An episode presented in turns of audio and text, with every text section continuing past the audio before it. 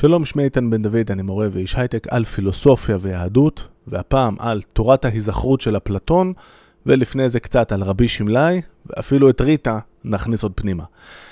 מה קורה לפני שנולדים? האם הפילוסוף ג'ון לוק צדק ואנחנו יוצאים לאוויר העולם כשאנחנו טבולה ראסה, לוח חלק, או שאולי במחסן הקטן שיש לנו בראש כבר יש תבניות חשיבה ותכנים מסוימים, דברים שאנחנו כבר יודעים?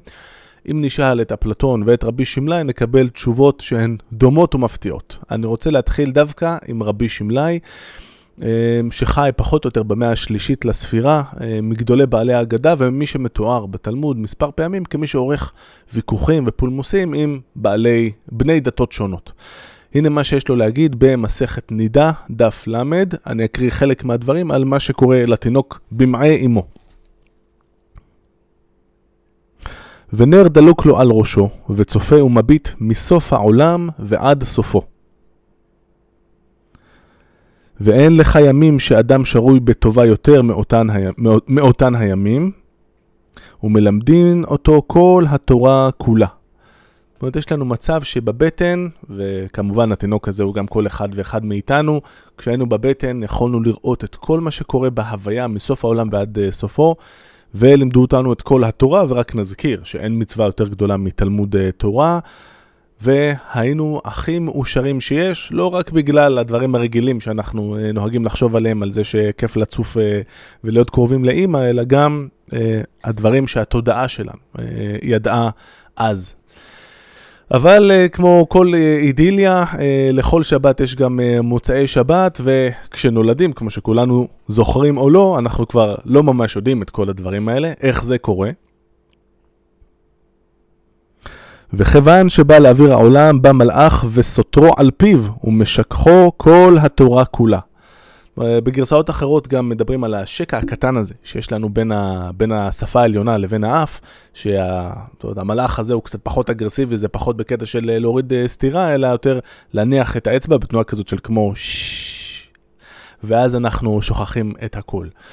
אבל זה לא הכל, כי שנייה לפני, או שנייה אחרי שמשכיחים אותנו את כל הסיפור הזה, אה, קורה הדבר הבא. ואינו יוצא משם עד שמשביעין אותו. ומהי השבועה שמשביעין אותו? תהי צדיק ואל תהי רשע. ואפילו כל העולם כולו אומרים לך צדיק אתה, היה בעיניך כרשע. והווה יודע שהקדוש ברוך הוא טהור ומשרתיו טהורים, ונשמה שנתן בך טהורה היא. אם אתה משמרה בטהרה מוטב, ואם לאו, הריני נוטלה ממך. אה, חייבים לומר שלנו במאה ה-21, אנשים שקצת מאמינים יותר בחינוך חיובי ופחות בחינוך שמלווה באיומים ובאלימות אה, פיזית, זה ככה מצמרר אותנו אולי טיפה. אני אוהב לחשוב על זה גם בצורה קצת אחרת, שבהתחלה הוא רק אמר את המשפט הראשון, של תהיה טוב, אל תהיה רע, ולאט לאט אותו מלאך, אחרי שעברו דרכו מאות ואלפים ומאות אלפים, אה, כל פעם האריך עוד קצת את השבועה, ומה שהתחיל אה, בהתחלה בשמחה וביטחון, הפך בהמשך לעניינים של איום ופיכחון. אמ, נגיד בהמשך רק שריטה, אה, בשיר שלה עטוף ברחמים, שכולנו זוכרים אותו מסוף האייטיז אני חושב, או מתחילת הניינטיז, אז היא מתארת שם את האימא שמדברת אה, עם העובר שלה בבטן, ובין השאר אה, אומרת את, את המשפט, אתה ודאי יודע הכל ורואה את הסודות גלויים. ומי שלא חושב שמי, ש... שמי שכתב את זה היה לו בראש את רבי שמלאי כאן, אני רק אגיד שמי שכתב את השיר הזה היה אהוד בנאי. ואהוד בנאי לא חשוד כמישהו שלא הכיר את האגדה הזאת. אז אם uh, לסכם בינתיים, יש לנו כאן תפיסה לפיה בבטן ידענו את הכל, uh, ובעצם כל דבר שאנחנו נלמד בהמשך, uh, בעצם מחזיר אותנו קצת למקור שלנו. כל דבר שנלמד בהמשך מדברי התורה, מדברי תלמוד התורה, בעצם זה לא רק התקדמות מצד אחד, אלא יש פה מין תנועה לשני הכיוונים. אנחנו גם מתקדמים קדימה בזה שאנחנו מבינים דבר שלא הבנו קודם, אבל בעצם אנחנו גם חוזרים אחורה. יש כאן איזה מין תנועה כפולה כזאת שאותי היא מקסימה. אז זה מה שאומר רבי שמלאי, וזה כמו שאמרנו פחות או יותר במאה השלישית לספירה. הייתי רוצה לדבר קצת על מה שאומר אפלטון. אפלטון אה, מנסה להתמודד אה, בדיאלוג מנון, שעוסק ב, אה, הרבה בידיעה ואיך מקנים אותה, בטענה של הסופיסטים. הסופיסטים הם פילוסופים שקדמו לאפלטון ולסוקרטס, סוקרטס היה המורה של אפלטון. נזכיר מבחינת הזמנים, קל לזכור שסוקרטס מוצא להורג במינוס 399 לפני הספירה, אז אפלטון אה, פועל בעצם בחלק הראשון אה, של המאה הרביעית לפני הספירה, שזה שם אותנו פחות או יותר 600 אה, שנה לפני רבי שמלאי. אה, וסוקרטס בהרבה מובנים אה, אה, מתמודד בפילוסופיה שלו עם טענות שונות של הסופיסטים, שאולי הבולטת שבהן המתקפה על המוסר העממי, שאומר פשוט תהיה טוב ואל תהיה רע, עוד תזכורת לדברים של רבי שמלאי, אבל הטענה שאיתה הוא מתמודד בדיאלוג הזה, סוקרטס ובעצם אפלטון שמביא את הדברים ממנו, וצריך לומר, זה דיאלוג שפחות או יותר נמצא בשלב המעבר של אפלטון. יש לו שלוש תקופות. התקופה הראשונה, שבה מקובל אה, להניח שהוא פשוט מעלה על הכתב את התורה של אה, המורה שלו, סוקרטס, ובשלב השני הוא כבר מתחיל יותר להביא דברים מקוריים אה, משלו, יש גם את השלב השלישי, שבו מאוד ברור שהוא מפתח את התורה שלו. כאן החוקרים מעט חלוקים עד כמה הדברים הם באמת משל סוקרטס, או שזה חלק מהתרומה הייחודית של אפלטון. הייתי אומר שיש נטייה קלה לומר שזה דברים של סוקרטס קצת יותר. בכל מקרה, מה הטענה שצריך להתמודד איתה? הטענה היא שאי אפשר באמת אה, לרכוש ידיעה חדשה. למה? התוכן הזה שעכשיו אני רוצה ללמוד אותו, יש שתי אפשרויות, או שאני כבר יודע אותו, או שאני לא יודע אותו. מן הסתם, אין דרך שלישית. אם אני כבר יודע אותו, ברור שאין לי מה ללמוד אותו מחדש, ואם אני לא יודע אותו, אני אפילו לא יודע שהוא קיים, ולכן אני בכלל לא יוצא ללמוד אותו. אתה יודע, אני בכלל לא יודע שהוא שם. עכשיו, זה טיעון שלנו בדרך המודרנית של החשיבה, נשמע מאוד מיותר ומטופש, אבל וואלה, זאת הייתה טענה שהיה צריך להתמודד איתה בכלים של אז.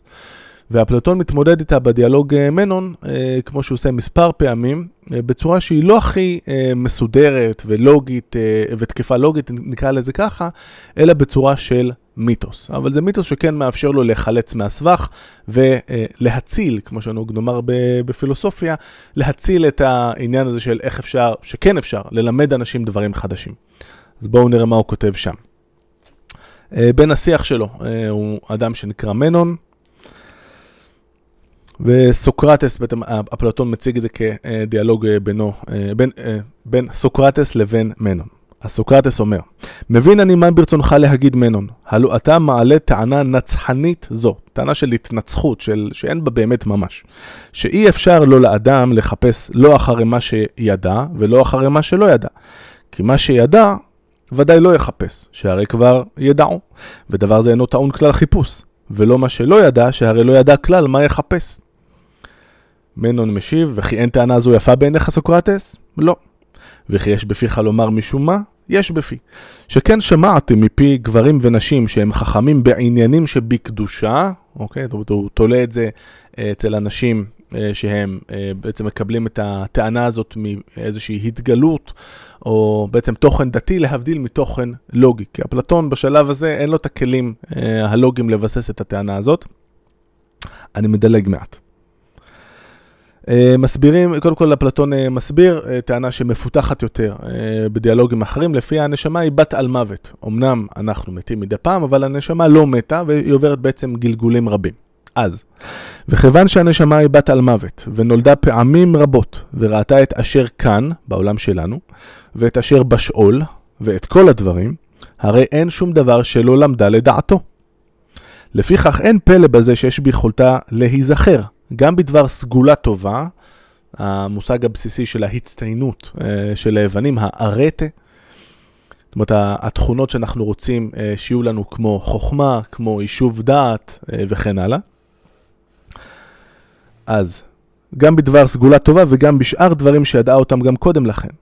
כי לאחר שהטבע כולו ממוצא אחד הוא, והנשמה למדה לדעת את הכל, הרי אין כל מניעה בדבר שמי שיזכירו לו דבר אחד בלבד, הוא שנקרא לימוד בפי בני האדם, יעלה בעצמו את כל השאר, אם אדם אמיץ רוח הוא, ולא אומר נואש בדרך חיפושיו. שהרי החיפוש והלימוד כולו זכירה. לכן אין להיתפס לאותה טענה נצחנית, באשר זו תעשה אותנו חדלי מעש, ונעימה היא לאוזני אנשים שליבם נתרכך מחמת פינוק. ואילו קבלה זו שבידי, הדבר הזה שקיבלתי במסורת, תגדל אנשי מעשה ואנשי חקירה ודרישה, ובה בוטח אני שאמת היא, ובביטחון זה נכון אני לחפש יחד איתך אחרי הסגולה הטובה לדעת מהי. בהמשך הדיאלוג אה, סוקרטס אה, ידגים אה, בעזרת אחד העבדים שעוברים שם בסביבה את העניין הזה של לימוד של טענה גיאומטרית, משהו שקשור באורך של אלכסון של ריבוע, והוא מנסה להראות איך כשסוקרטס מסביר את הדברים האלה, או עובד על העניין הזה, נקרא לזה ככה, יחד עם העבד, שאין לחשוד בו. שלמד גיאומטריה איפשהו, זה בעצם העבד שמגיע לתשובה הנכונה, בלי שסוקרטס אה, כביכול אה, דוחף לו, את זה, דוחף לו את זה לתודעה. האם זה מוצלח או לא, על כך אה, אפשר לחלוק, אבל על כל פנים זו הטענה של אפלטון. אז מה היה לנו כאן? אם נשווה את הדברים לדברים של רבי שמלאי. קודם כל, בשני המקומות יש לנו מיתוס, זאת אומרת, אין לנו איזה טענה לוגית מאוד מסודרת. בשני המקומות, כשאנחנו עוד לפני שאנחנו נולדים, אצל רבי שמלאי זה בבטן, ואצל אפלטון זה במהלך uh, הנצחים uh, שחלפו, אנחנו כבר uh, יוצאים לעולם כשאנחנו כבר יודעים את הכל. Uh, כמובן, יש הבדלים, אצל היוונים אין כל כך את האלימות עם המלאך הזה שמוריד לך את, ה, את הכאפה, ולא ברור uh, מה בעצם גורם לשכחון הזה לכאורה, uh, אבל uh, עדיין יש, זאת אומרת, רב הדומה uh, על השונה בעיניי. אם לסכם את שני הדברים האלה, אני חושב שיש כאן, אין ספק שיש עניין דומה מאוד. Uh, האם רבי שמלה הכיר את הדברים uh, של, uh, של סוקרטס ואפלטון ובעצם נתן להם ניסוח מחודש? שאלה טובה, קשה לנו לדעת. אולי בגלל שאנחנו יודעים שהוא אדם שנהג להתווכח עם בעלי דתות שונות, יכול להיות שהוא נחשף גם, גם לעמדות האלה, וזה דבר שהשפיע עליו. ואם כן, זה לא מקרה, הייתי אומר שהוא מדגיש את הדברים שמלמדים את התינוק בבטן, זה דברי התורה. כי בעיני חז"ל, כל מה שצריך ללמוד נמצא כבר בתורה, ודברים שלא, שלא שייכים לתחום הזה של תלמוד תורה, זה ידע שהוא פחות רלוונטי, אין מה לבזבז על זה, זמן יקר ברחם. בכל מקרה, אני מאוד אוהב את התנועה הכפולה הזאת, שמסרטטים לנו גם סוקרטס ואפלטון וגם רבי שמלאי, לפיה כל דבר חדש שאנחנו לומדים הוא בעצם לא דבר חדש, הוא לא, הוא לא רק דבר חדש, הוא לא רק התקדמות, אלא גם שיבה אחורה, שיבה למקור שלנו. אה, ועם הרעיון הזה של התנועה הכפולה הזאת, גם קדימה וגם שיבה למקור, ושכל אה, ידע בעצם חדש שאנחנו לומדים, זה לא סתם שרכשנו עוד ידע, אלא גם התקדמנו עוד קצת אל עצמנו, למי שהיינו פעם, למי שאנחנו באמת. הדבר הזה ככה מעביר לי צמרמורות אה, נעימות בכל פעם מחדש. להתראות.